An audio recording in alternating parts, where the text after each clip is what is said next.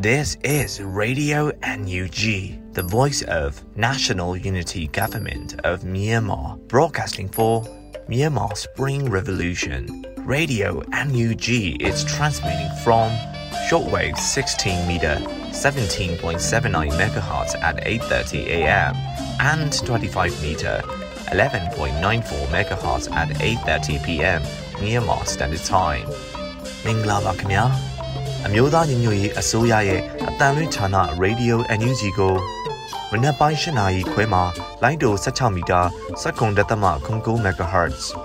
ညပိုင်း၈နာရီခွဲမှာလိုင်းတို25မီတာ17.6 MHz တို့မှာဓာတ်ရိုက်ဖမ်းယူနိုင်နိုင်ပါပြီမင်္ဂလာအပေါင်းနဲ့ပြည့်စုံကြပါစေ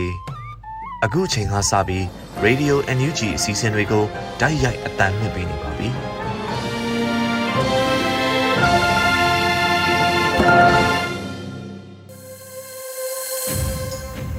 မြန်မာနိုင်ငံသူနိုင်ငံသားအပေါင်းတဘာဝပြီးစစ်အာဏာရှင်ပြည်တို့ကနေကင်းဝေးပြီးကိုစိတ်နှစ်ပါးဘေးကင်းလုံခြုံကြပါစေလို့ရေဒီယို NUG ဖွယ်သားများကဆုတောင်းမြတ်တာပို့သလာရပါတယ်။အခုချိန်ကစပြီးရေဒီယို NUG ရဲ့ညပိုင်းစီစဉ်များကိုထုတ်လွှင့်ပေးတော့မှာဖြစ်ပါတယ်ရှင်။ပထမဆုံးအနေနဲ့ပြည်တွင်းသတင်းများကိုတော့မျိုးဦးမုံမှဖတ်ကြားတင်ပြပေးမှာဖြစ်ပါတယ်။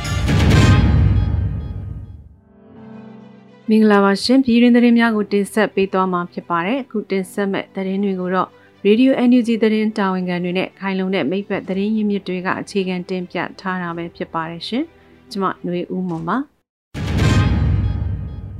စစ်ကောင်စီရဲ့ရန်တမ်းပစ်ခတ်မှုကြောင့်မိုးပြဲမြို့နယ်မှာမျိုးသမီးတအုပ်လက်နက်ကြီးထိမှန်တဲ့ဆိုတဲ့သတင်းကိုဥစွာတင်ဆက်ပေးပါမယ်ရှမ်းပြည်တောင်ပိုင်းမိုးပြဲမြို့နယ်ဟိုက်ကွီကျွော်မှာစစ်ကောင်စီကလက်နက်ကြီးနဲ့ရန်တမ်းပစ်ခတ်မှုကြောင့်ဒေသခံမျိုးသမီးတို့လက်နက်ကြီးထိမှန်ပြီးဒဏ်ရာပြင်းထန်ရရှိခဲ့တယ်လို့စုံစမ်းသိရှိရပါတယ်။ ဖြစ်စဉ်မှာဇန်နဝါရီ3ရက်နေ့မနက်6နာရီဝန်းကျင်ကစစ်ကောင်စီရဲ့ရန်တမ်းပစ်ခတ်မှုကြောင့်နေအိမ်မှာနေထိုင်နေတဲ့အမျိုးသမီးတို့လက်နက်ကြီးထိမှန်ခဲ့ပြီးဒဏ်ရာပြင်းထန်ရရှိခဲ့ကြောင်းသိရှိရပါတယ်။ခါနောက်ကျောဘက်မှာတော့ဒဏ်ရာရသွားတယ်။အရန်ကြီးတော့မစိုးရင်ရဘူး။ဖြစ်ဖြစ်ချင်းကျွန်တော်တို့သွားကူညီပေးခဲ့ပြီးစေယုံပို့ပေးလိုက်တာ။ဒဏ်ရာတော့ပြင်းထန်တယ်။စစ်ကောင်စီကရန်တမ်းပစ်ပြီးနေအိမ်ထိသွားတာလို့အဲ့ဒီမျိုးသမီးကိုကူညီပေးသူတူကပြောပါတယ်။ လက်ရှိမှာလက်နက်ကြီးထိမှန်ခဲ့တဲ့အမျိုးသမီးကိုစေရုံကိုပို့ဆောင်ထားကြောင်းသိရှိရပါတယ်။လက်နက်ကြီးကြားရောက်မှုကြောင့်ဟိုက်ကွီကျေးရွာဒေသခံတွေလူမြောက်ရာနေရာကိုထွက်ပြေးတိမ်းရှောင်နေရကြောင်းလည်းသိရပါတယ်။ယမန်နေ့ကထိလွိုင်ကော်မြို့နယ်ဒီမော့ဆိုမြို့နယ်နဲ့ဖရူဆိုမြို့နယ်အတွင်းစစ်ကောင်စီနဲ့ကရင်နီအမျိုးသားများကာကွယ်ရေးတပ် KNDF တို့စီရေးအရှိန်မြင့်နေကြောင်းသိရှိရပါတယ်ရှင်။မိုင်းကင်မှာတိုက်ပွဲပြင်းထန်မှုကြောင့် ရွာကန်တထောင်ကျော်ထပ်မံထွက်ပြေးနေရတယ်ဆိုတဲ့သတင်းကိုဆက်လက်တင်ဆက်ပေးပါမယ်။ရှမ်းတောင်မိုင်းကင်မြို့နယ်ထဲမှာရှမ်းပြည်တပ်မတော် RCSS နဲ့ SSPP တို့အကြားဒီဇင်ဘာလကုန်ပိုင်းမှာတိုက်ပွဲပြင်းထန်စွာဖြစ်ပွားမှုတွေကြောင့်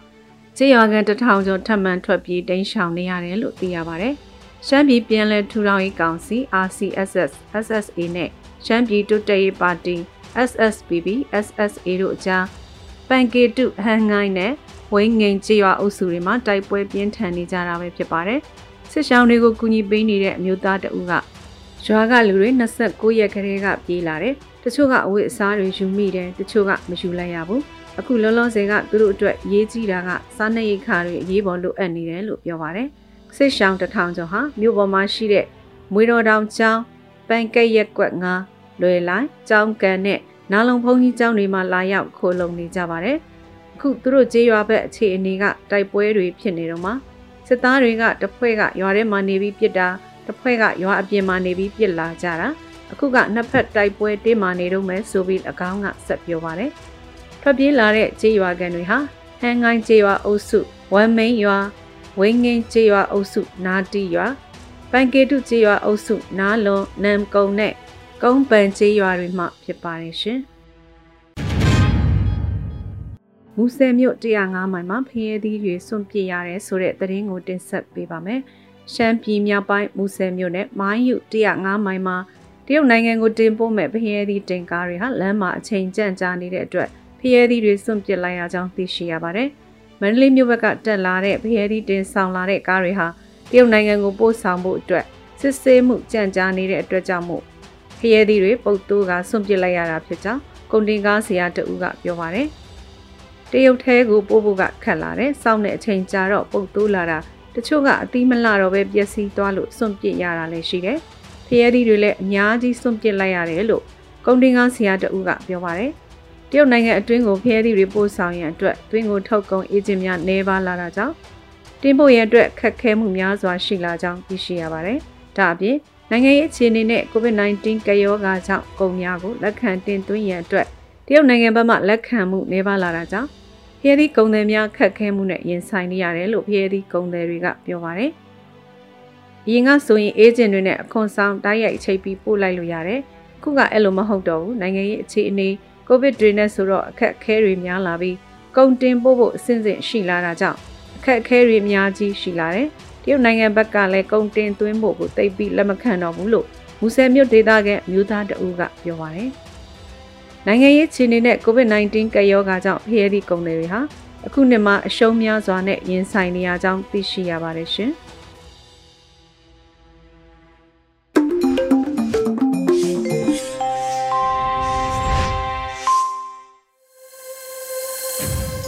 Radio NUG မှာဆက်လက်တင်ပြနေပါတယ်။ဒီနေ့ရဲ့တော်လှန်ရေးစောင်းပါစီစဉ်မှာ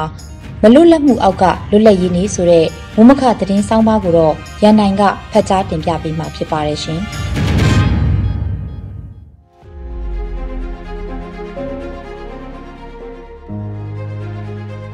မလွတ်လပ်မှုအောက်ကလွတ်လပ်ရေးနေ့ဇန်နဝါရီလ၄ရက်နေ့ဟာမြန်မာနိုင်ငံရဲ့လွတ်လပ်ရေးနေ့ဖြစ်ပြီးဆယ်စုနှစ်များစွာလွတ်လပ်ရေးနေ့မှာမြန်မာနိုင်ငံအနှံ့ပြားကမြို့တွေရွာတွေမှာလွတ်လပ်ရေးနေ့ပျော်ပွဲရွှင်ပွဲတွေဖြစ်တဲ့အပြေးပြိုင်တာ ချောတိုင်တက်တာစတဲ့ကစားနည်းတွေကိုမြို့တွေလမ်းတွေပေါ်မှာကစားကြပြိုင်ကြစုပေးကြတာနှစ်စဉ်လိုလိုမြင်ကွင်းဖြစ်ပေမဲ့အခုနှစ်လွတ်လပ်ရေးနေ့မှာတော့ရန်ကုန်မြို့အပါအဝင်မြို့ရွာတွေမှာလွတ်လပ်ရေးနေ့မဟုတ်တလို့သာမန်ရုံးပိတ်ရက်တရက်လိုသာမြင်တွေ့ရတာဖြစ်ပါတယ်။ပြီးခဲ့တဲ့17လလောက်အတွင်းဖြစ်ပျက်ခဲ့သမျှဖြစ်ပျက်ခဲ့တဲ့ပြစ်ခတ်မှုတွေဖမ်းဆီးမှုတွေတပ်ဖြတ်မှုတွေအကျဉ်းချမှုတွေက လွတ်လပ်ရေးဆိုတဲ့စကားလုံးနဲ့ဘယ်လိုမှမအပ်ဆက်တဲ့အနေအထားဖြစ်တာမို့လွတ်လပ်ရေးနေဆိုတာကိုဘယ်သူမှမခံစားနိုင်ကြတဲ့သဘောလည်းဖြစ်ပါတယ်လွတ်လပ်ရေးနေမှာမြန်မာနိုင်ငံရဲ့ဒေသအချို့မှာ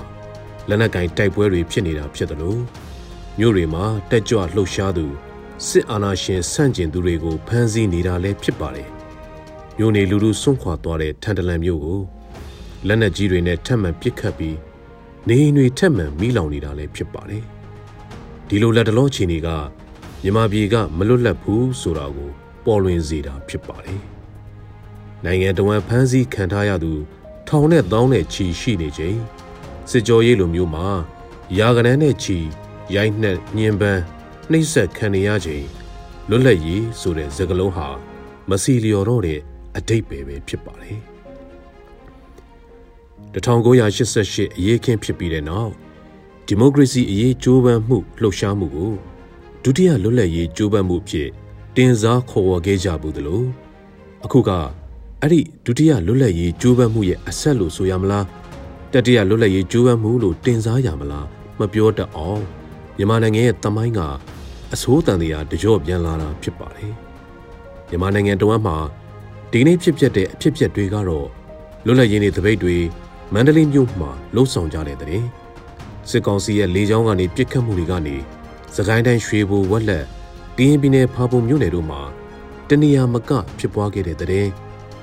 ရခင်မွန်ပြည်နယ်ဝန်ကြီးချုပ်ရဲ့ဇနီးနဲ့သားကိုစစ်တပ်ကဝင်စီးပြီးဖမ်းဆီးသွားတဲ့တဲ့စစ်တပ်ပိုင်းဆက်ယုံတွေကထုတ်လုပ်တဲ့ဘီယာတွေနဲ့ကုန်ပစ္စည်းတွေမရောင်းဖို့ကချင်ပြည်နယ်မြစ်ကြီးနားမှာ KIA ကစာထုတ်ပြီး တတိပေးထားတယ်ဆိုတဲ့သတင်းတွေဖြစ်ပါတယ်။ပျောက်ကြားတပိတ်လို့ခေါ်ဆိုမဲ့လျှက်ပြက်ဆန္ဒပြတပိတ်မှောက်တာတွေမန္တလေးမြို့မှာအပတ်စဉ်တစ်ခါတရံနေ့စဉ်လိုလိုရှိနေခဲ့ပြီးဒီနေ့လွတ်လပ်ရေးနေ့မှာလည်းလွတ်လပ်ရေးတပိတ်အနေနဲ့ဆန္ဒပြခဲ့ကြတယ်လို့သတင်းတွေမှာဖော်ပြထားကြပါတယ်။ရန်ကုန်မြို့နဲ့မန္တလေးမြို့တွေမှာလူငယ်တက်ကြွလှုပ်ရှားသူတွေကစစ်အာဏာရှင်ဆန့်ကျင်ရေးဆန္ဒပြမှုတွေကိုရပ်တန့်သွားပြီလို့မဆိုနိုင်အောင်နေ့ရက်ဆက်ပြီးတော့၎င်း သတင်းပတ်တိုင်းတနေရာမဟုတ်တနေရာမှာပြဖို့လှုပ်ရှားမှုကိုထိမ့်သိမ်းထားကြတာလည်းဖြစ်ပါတယ်။နောက်သတင်းတစ်ပုဒ်ကတော့စစ်ကောင်စီလေတပ်ကနေ့စဉ်လိုလိုမြန်မာနိုင်ငံရဲ့တနေရာသို့မဟုတ်တနေရာမကပစ်ခတ်တာတခါတည်းဘုံကျဲတာတွေလှုပ်ဆောင်နေတာဖြစ်ပြီးယမန်နေ့ကတော့ရွှေဘိုအနီးကဝက်လက်မြို့နယ်ကျေးရွာတချို့မှာလေကြောင်းကနေတိုက်ခိုက်ခဲ့တယ်လို့ဘာဘုံခရိုင်ကကျေးရွာတရွာကိုစစ်ကောင်စီတပ်ကဘုံကျဲခဲ့လို့ ဈေးကန်တခံပျက်စီးခဲ့ရတယ်လို့သတင်းတပုတ်မှာဖော်ပြထားပါတယ်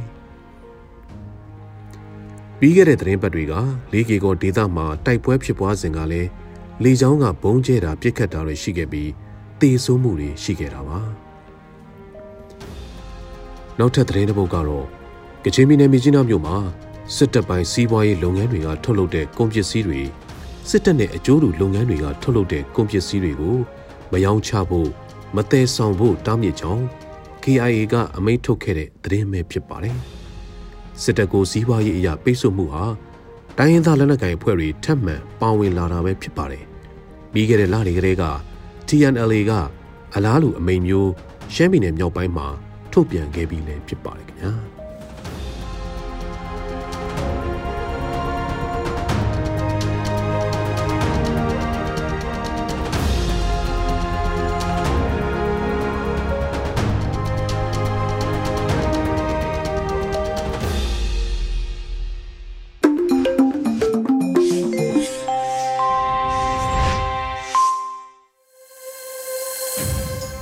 ဆက်လက်ပြီးနားဆင်ကြရမှာကတော့ထိန်နင်းရဲ့ငါတို့မှာငါတို့ရှိတယ်ဆိုတော့စောင်းမအပိုင်းရှိကိုနားဆင်ကြရတော့မှာဖြစ်ပါတယ်ရှင်။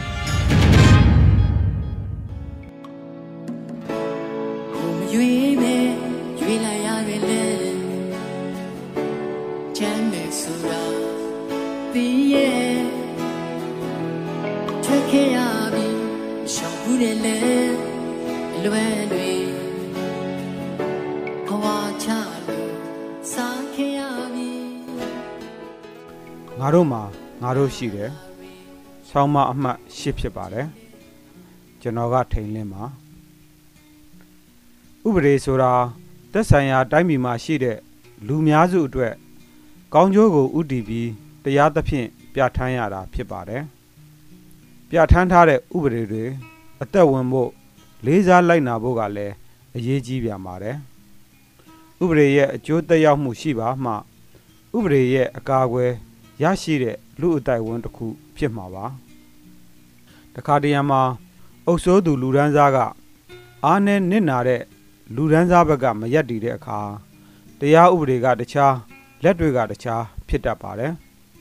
ဒါလိုဖြစ်တဲ့အခါဥပဒေရဲ့အကာအကွယ်ကို မရရှိသူတွေက အရေးဆိုဖို့ရာတက်သေးအထောက်ထားလိုအပ်လာပါတယ်အထောက်ထားရှိမှသာဥပဒေဘယ်လိုမလိုက်နာပါဘူး လွတ်လပ်ခွင့်ဘယ်လိုဆုံးရှုံးပါတယ်ဆိုတာပြောနိုင်မယ်မဟုတ်လား American Civil Rights လှုပ်ရှားမှုအတွင်းအဲ့ဒီလိုစမ်းသပ်မှုတွေလည်းရှိခဲ့ပါတယ်ဒီတစ်ခါတော့အဲ့ဒီအကြောင်းလေးတွေပြောပြခြင်းပါတယ် American ပြည်တွင်းစစ်ဖြစ်နေတဲ့ကာလအတွင်းမှာကျွန်စနစ်ဖျက်သိမ်းရေးအတွက် Abraham Lincoln ကလက်မှတ်ထိုးခဲ့ပါတယ်အဲ့ဒီအချိန် American တောင်ပိုင်းမှာစစ်ဖြစ်နေတော့မှရှိပါသေးတယ် 1865ခုနှစ်မှာ American အခြေခံဥပဒေဖြစ်ဆွဲချက်အမှတ်73နဲ့တိုင်းပြည်တစ်ခုလုံးကျွန်စနစ်ဖျက်သိမ်းခဲ့ပါတယ်1868ခုနှစ်မှာပြဋ္ဌာန်းတဲ့ဖြစ်ဆွဲချက်အမှတ်14နဲ့လူမဲများကိုနိုင်ငံသားအဖြစ်အသိမှတ်ပြုခဲ့ပြီးနောက်နှစ်နှစ်အကြာမှာဖြစ်ဆွဲချက်အမှတ်15နဲ့လူမဲအမျိုးသားတွေကိုမဲပေးခွင့်ပြုခဲ့ပါတယ် 1885ခုနှစ်မှာပြဋ္ဌာန်းလိုက်တဲ့နိုင်ငံသားအခွင့်အရေးဥပဒေအရလူမဲများကိုတဲခိုကန်းကစားယုံအစရှိတဲ့အများပြည်သူအတွက်သတ်မှတ်ထားတဲ့နေရာတွေမှာကန့်သက်ထားတာတွေမရှိတော့ပါဘူးဥပဒေရဲ့အကျိုးသက်ရောက်မှုမြန်မြန်ဆန်ဆန်ရရှိခဲ့ပေမဲ့ကျွမ်းမိုင်းရှင်ဖြစ်ခဲ့ဘူးသူတွေနဲ့လူပြူကြီးစိုးရေးဝါဒီများကခွဲခြားဆက်ဆံတဲ့စနစ်ကိုဒေတာအလိုက်ကျင့်သုံးနိုင်မှုစ조사ခဲ့ကြပါတယ် စစ်တင်မှုမှတ်နေပတ်စကားတပိတ်ဆန္ဒပြမှုစသဖြင့်ရပိုင်ခွင့်အတွက်တိုက်ပွဲတွေကြောင့်အကျိုးသက်ရောက်မှုတွေတဖြည်းဖြည်းတိုးတက်လာခဲ့ပါတယ်ဒါတွေကလူမဲတွေအတွက်ကောင်းကျိုးရရှိစေပေမဲ့ခွဲခြားဆက်ဆံရေးစနစ်ကိုကျင့်သုံးသူတွေအတွက်ဒေါသမီတောက်စေခဲ့ပါတယ်ဒါကြောင့်လူမဲတွေအဖို့ကေသုံးလုံးလိုအဖွဲ့တွေရဲ့အကြမ်းဖက်အနိုင်ကျင့်မှုတွေ တပ်ဖြတ်မှုတွေကိုလည်းရင်ဆိုင်ခဲ့ရပါတယ်။အဲ့ဒီတော့အတွင်းမှာဗဟိုတရားရုံးကခွဲခြားဆက်ဆံခြင်းကိုတားမြစ်တဲ့အမိန့်တစ်ခုချမှတ်ခဲ့ပါတယ်။အဲ့ဒီအမိန့်ကတော့ပြည်နယ်တွေကိုဖျက်ဆီးသွားတဲ့မိရထားအဝေးပြေးကားတွေနဲ့ကားဂိတ်ယထာဘူတာတွေက ထိုင်းကုန်တွေမှာလူပြူလူမဲခွဲခြားထားခြင်းမရှိစေရဆိုတဲ့အမိန့်ဖြစ်ပါတယ်။တာမန်အားဖြင့်အမိန့်ထုတ်လိုက်ပြီဆိုရင် လွတ်လပ်ခွင့်ရပြီလို့ယူဆနိုင်ပေမဲ့ဥပဒေအတိုင်းမလိုက်နာသူတွေကြောင့်စိုးရိမ်ရပါတယ်။တက်ကြွလှုပ်ရှားသူတွေကအဲ့ဒီဥပဒေအသက်ဝင်ခြင်းရှိမရှိစမ်းသပ်လိုကြပါတယ်။ Freedom Ride လို့အမည်ပေးထားတဲ့လွတ်မြောက်မှုရှိမရှိစမ်းသပ်တဲ့ခရီးစဉ်စတင်ဖို့စီစဉ်ပါတော့တယ်1962ခုနှစ်မေလ4ရက်နေ့မှာလူပြူနဲ့လူမဲ တက်ကြွလှုပ်ရှားသူ73ဦးကဝါရှင်တန် DC ကနေတောင်ပိုင်းနယူးအော်လန်ဆိုသွားတဲ့ဘတ်စကားကိုစီးနင်းခဲ့ပါတယ်ဘတ်စကားကဗာဂျီးနီးယားတောင်မြောက်ကယ်ရိုလိုင်းနာဂျော်ဂျီယာအယ်ဘားမာမစ္စစ္စပီပြည်နယ်တွေကိုဖြတ်ပြီးမှနယူးအော်လင်းမြို့ရှိရာလူဝီစီယာနာပြည်နယ်ကို ရောက်မှာပါသူတို့73ဦးက Freedom Right ကိုစတင်တယ်ဆိုပေမဲ့သူတို့ရဲ့ Congress of Racial Equality နဲ့အကြမ်းမဖက်ညှိနှိုင်းဆောင်ရွက်ရေးကျောင်းသားကော်မတီ Student Non-Violence Coordinating Committee အဖွဲ့မှာပြည်နယ်39ခုကလူမျိုးရေးနောက်ခံစီးပွားရေးနောက်ခံမတူညီတဲ့သူတွေပါဝင်ပါတယ်အဖွဲ့ဝင်အများစုကကောလိပ်ကျောင်းသားများဖြစ်ကြပြီးအဖွဲ့ဝင်ရဲ့၄ပုံ၃ပုံကအသက်18နှစ်ကနေ30အကြားရှိကြပါတယ်အကယ်၍ ဒီခရီးစဉ်မှာအစင်မပြေတာတွေရင်ဆိုင်ခဲ့ရမယ်ဆိုရင်တဘိုကြတဘိုတက်စနစ်မျိုးလက်ဆင့်ကမ်းတာဝန်ယူဖို့တွေကိုလည်းပြင်ဆင်ထားကြပါတယ်သူတို့စီးလာတဲ့ဘတ်စကားအယ်ဘားမားပြည်နယ်ကိုရောက်တဲ့အခါမှာတော့မီးလောင်ပုံးနဲ့တိုက်ခိုက်တာခံခဲ့ရသလိုလူအုပ်စုဖွဲ့ထိုးကျိတ်ရိုက်နှက်ခြင်းတွေကိုပါခံခဲ့ကြရပါတယ်။မီးလောင်နေတဲ့ကားတွေကထွက်မရအောင်တကားတွေကိုပိတ်ဆို့ပြီးအသေးသက်တဲ့အထိလှုပ်ဆောင်ခဲ့ကြပါတယ်။ အဲ့ဒီလိုရံပြုတ်သူတွေတဲ့ကေသုံးလုံးဂိုင်းသားတွေပါဝင်သလိုရဲတွေကပါအားပေးအားမြောက်ပါဝင်ခဲ့ပါတယ်။သူတို့လို Freedom Rider တွေမပြောနဲ့မီးလောင်နေတဲ့ကားတွေကလူတွေကိုအကူအညီပေးသူတွေကိုတောင်ရံပြုတ်ခံရပါတယ်။ Freedom Rider တွေကတော့သူတို့ရဲ့ရည်ရွယ်ချက်နဲ့လုံးလာထုတ်မှုကို လုံးဝမလျှော့ကြပါဘူး။အဲ့ဒီနှစ်ထဲမှာပဲ Freedom Right ခရီးစဉ်ပေါင်းများစွာကိုအဖမ်းဆီးခံ ရန်အပြုတ်ခံပြီးဆင်နွှဲခဲ့ကြပါတယ်။သူတို့ရဲ့ကြိုးပမ်းမှုကြောင့်တရားရုံးချုပ်ရဲ့ဆုံးဖြတ်ချက်ကိုအောက်ခြေမှာလိုက်နာခြင်းမရှိတာပေါ်လွင်ခဲ့ပါတယ်။သူတို့ရဲ့လှုပ်ရှားမှုဟာအကြမ်းမဖက်လှုပ်ရှားမှုဖြစ်တာကြောင့်ယင်းနီးပေးဆက်ကြရပေမဲ့ရရှိတဲ့အကျိုးကသူတို့ရဲ့နောင်မျိုးဆက်တွေအထိခံစားရတဲ့အကျိုးတွေဖြစ်ပါတယ်။လိုချင်တာရဖို့ခရီးဆုံးကိုရောက်ဖို့မလျှော့တန်းဆွဲနဲ့ကျွန်တော်တို့အားလုံး အတူတကွကြိုးပမ်းကြရပါလိမ့်မယ်။မမေ့ပါနဲ့ငါတို့မှာငါတို့ရှိပါတယ်။အနုထဲကိုင်းတဲ့လက်တွေကို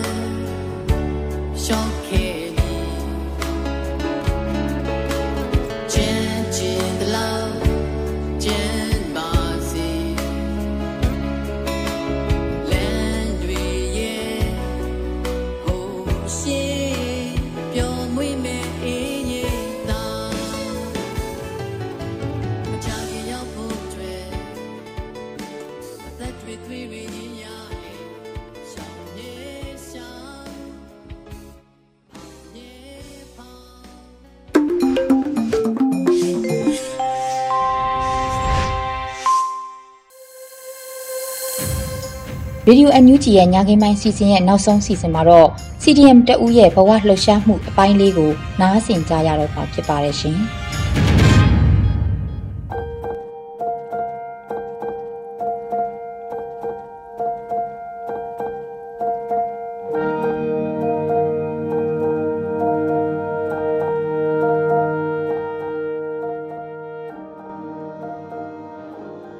မိဘပြည်သူများရှင် မြန်မာနိုင်ငံမှာပြည်သူတော်လှန်ရေးရဲ့ပေမထောက်တိုင်တွေဖြစ်ကြတဲ့ PDF တွေ CDN တွေနဲ့ပြည်သူလူထုအားလုံးတို့ဟာမိမိတို့ရဲ့သက်ဆိုင်ရာအခမ်းကဏ္ဍအသီးသီးကနေကြာရတာဝန်ကိုထမ်းဆောင်ရင်နိုင်ငံတော်ကြီးလွတ်မြောက်ရေးဒီမိုကရေစီနဲ့လူ့အခွင့်အရေးအပြည့်အဝရရှိစေရေးတို့အတွက်ကြိုးပမ်းထမ်းဆောင်နေကြတဲ့နောက်မှာပြည်သူဒေါ်လာရေးကြီးဟာတနိုင်ငံလုံးမှာအရှိန်အဟုန်နဲ့မြင့်တက်လာတာကိုမိဘပြည်သူများအတွေ့အမြင်ပဲဖြစ်ပါတယ်။အဲ့ဒီထဲကမှ တော်လန်ရေးရဲ့အဓိကနေရာမှာအဦးဆုံးပါဝင်ခဲ့ကြတဲ့ CDN ဝန်ထမ်းတွေဟာမိမိတို့ရဲ့ဝါသနာပါရာအသက်မွေးဝမ်းကြောင်းပြုရာအလုပ်တွေကိုဆွန့်လွတ်ခဲ့ပြီးပြည်သူဝန်ထမ်းကောင်ပြည်သားစွာနဲ့ပြည်သူနဲ့အတူရက်တည်လာခဲ့ကြသူတွေပါအခုချိန်မှာမိမိရဲ့အသက်မွေးဝမ်းကြောင်းအလုပ်ကိုပြက်ပြက်သားသားဆွန့်လွတ်ပြီးရရအလုပ်ကိုရှာဖွေလုပ်ကင်လို့သားသမီး၃ယောက်ကိုပြုစုပြောထောင်ရင်းအိမ်အောင်ဦးစီးဘဝကိုဖျက်ဆီးနေရတဲ့ CDN ဝန်ထမ်းမိခင်တဦးရဲ့စစ်အာဏာသိမ်းပြီးနောက်ပိုင်းဖြတ်တန်းမှုအတွေ့အကြုံတွေကိုအခုလိုပဲမေးမြန်းထားပါတယ်ရှင်။ဟုတ်ကဲ့မင်္ဂလာပါအမကြီးပထမဆုံးအနေနဲ့ပေါ့နော်။ဘာဖြစ်လို့ဒီလိုမျိုး CDN လှုပ်ဖြစ်ခဲ့လဲဆိုတာလေးရဲ့အမရဲ့လှုပ်သက်ဘလောက်လောက်မှာဒီ CDN လှုပ်ပြီးတော့အလုပ်ကိုဆွန့်လွတ်ခဲ့ရလဲဆိုတာလေးပြပြပေးပါအောင်ရှင်။ဘာလို့ CDN လှုပ်ခဲ့တာလဲဆိုတော့အမဒီမတရားမှုကြီးလက်မခံနိုင်လို့ပါ။ ဖေဖော်ဝါရီလ2ရက်နေ့မနေ့အစောကြီးသူအာနာသိန်းနေရပေါ့နော်အဲ့ဒီနေ့ကအမတငယ်ချင်းတယောက်ကဖုန်းဆက်တယ်။နဲ့အမကိုနေဒီနေ့ဂျူဒီဆင်းစရာမလိုတော့ဘူးပေါ့။အမအဲ့နေကမော်နီဂျူဒီကိုဟိုချက်ပြုံးနေလို့ပေါ့နော်6နာရီနီးပါးလောက်ရှိပြီပေါ့။အဲ့တော့နေရုံးလာစရာမလိုတော့ဘူးဆိုတော့အမကစိတ်ထဲမှာဘာဖြစ်လို့လဲပေါ့နော်။ငါပါအမလုပ်မိလို့လဲ။ပြီးတော့သူကဆက်ပြောတယ်ပေါ့ဗာလဲဆိုတော့နေစစ်တပ်ကအနာသိမ်းသွားပြီ။မိစုကိုလည်းဖမ်းသွားပြီပေါ့။အာည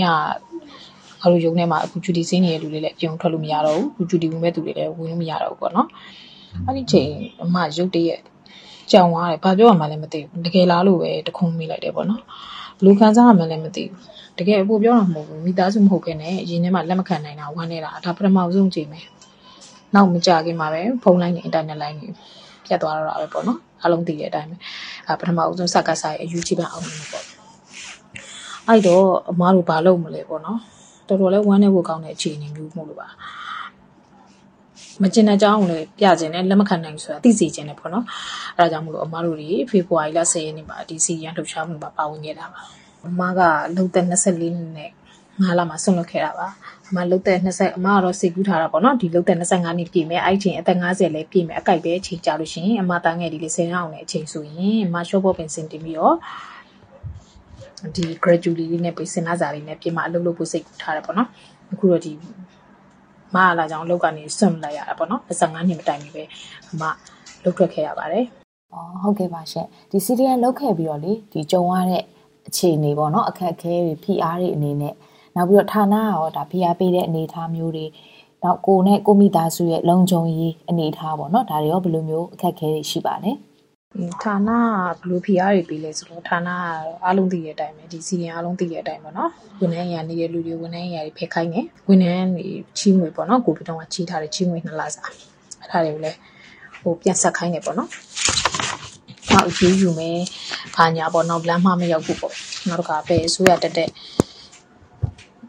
န်ထမ်းဝန်ထမ်းပဲပေါ့နော်နောက်ရေးယူမှာလို့ပါလို့ပေါ့အဲ့ဒါတွေကတော့စီဒီယံဝန်ထမ်းနဲ့ခံစားရတာပါကိုယ့်ထက်ဆိုးတဲ့စီဒီယံဝန်ထမ်းတွေအများကြီးပါ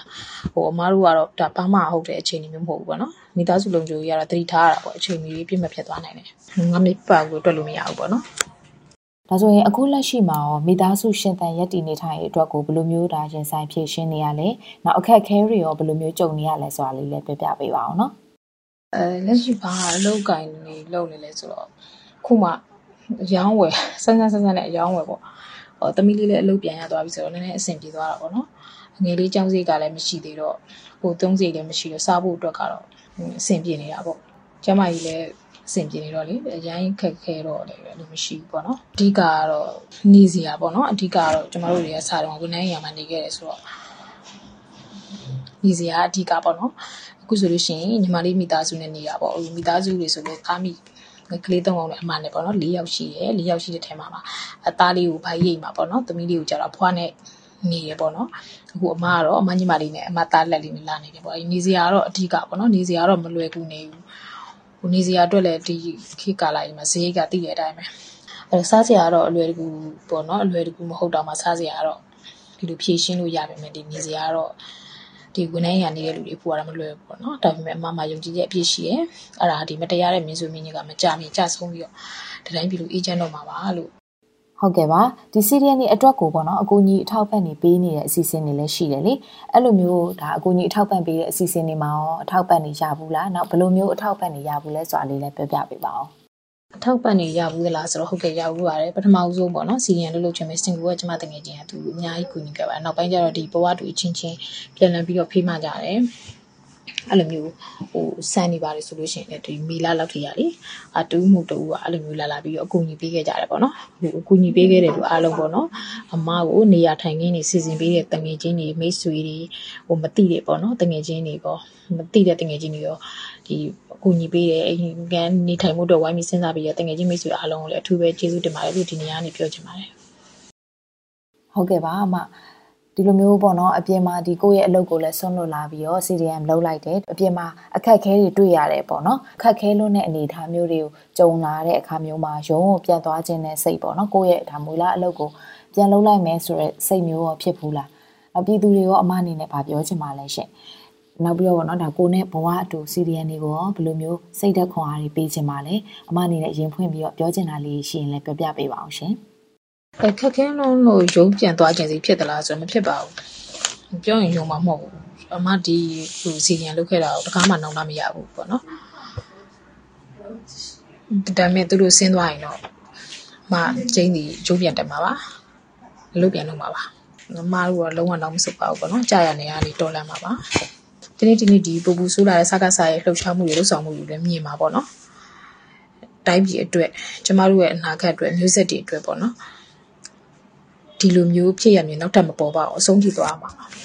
ပြည်သူတွေကိုဗာပြောချင်တယ်ဆိုတော့အားလုံးပြည်သူအစိုးရကို ယုံကြည်ပေးကြပါပေါ့နော်အမားတို့တွေကျင်းနေနိုင်ပါပါဒီ PDF ကလေးတွေကိုလည်း900ဖြစ်ဖြစ်1000ဖြစ်ပေါ့နော်ကိုနိုင်တဲ့လောက်လေးထောက်ပံ့ပေးကြပါ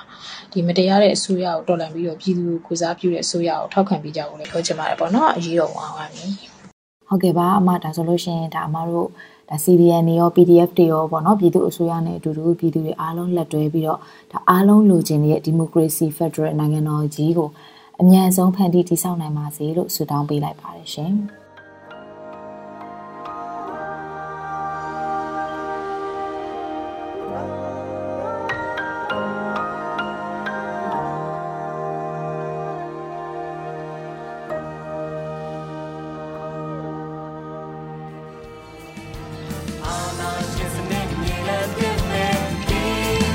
ဒီ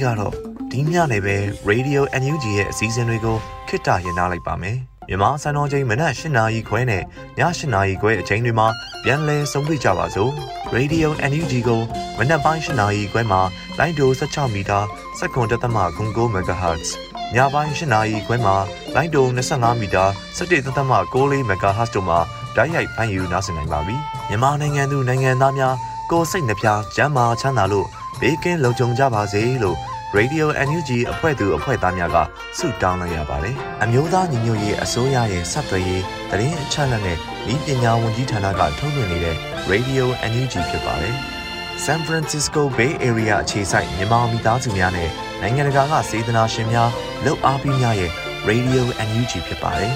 ။အရေးတော်ပုံအောင်ရမည်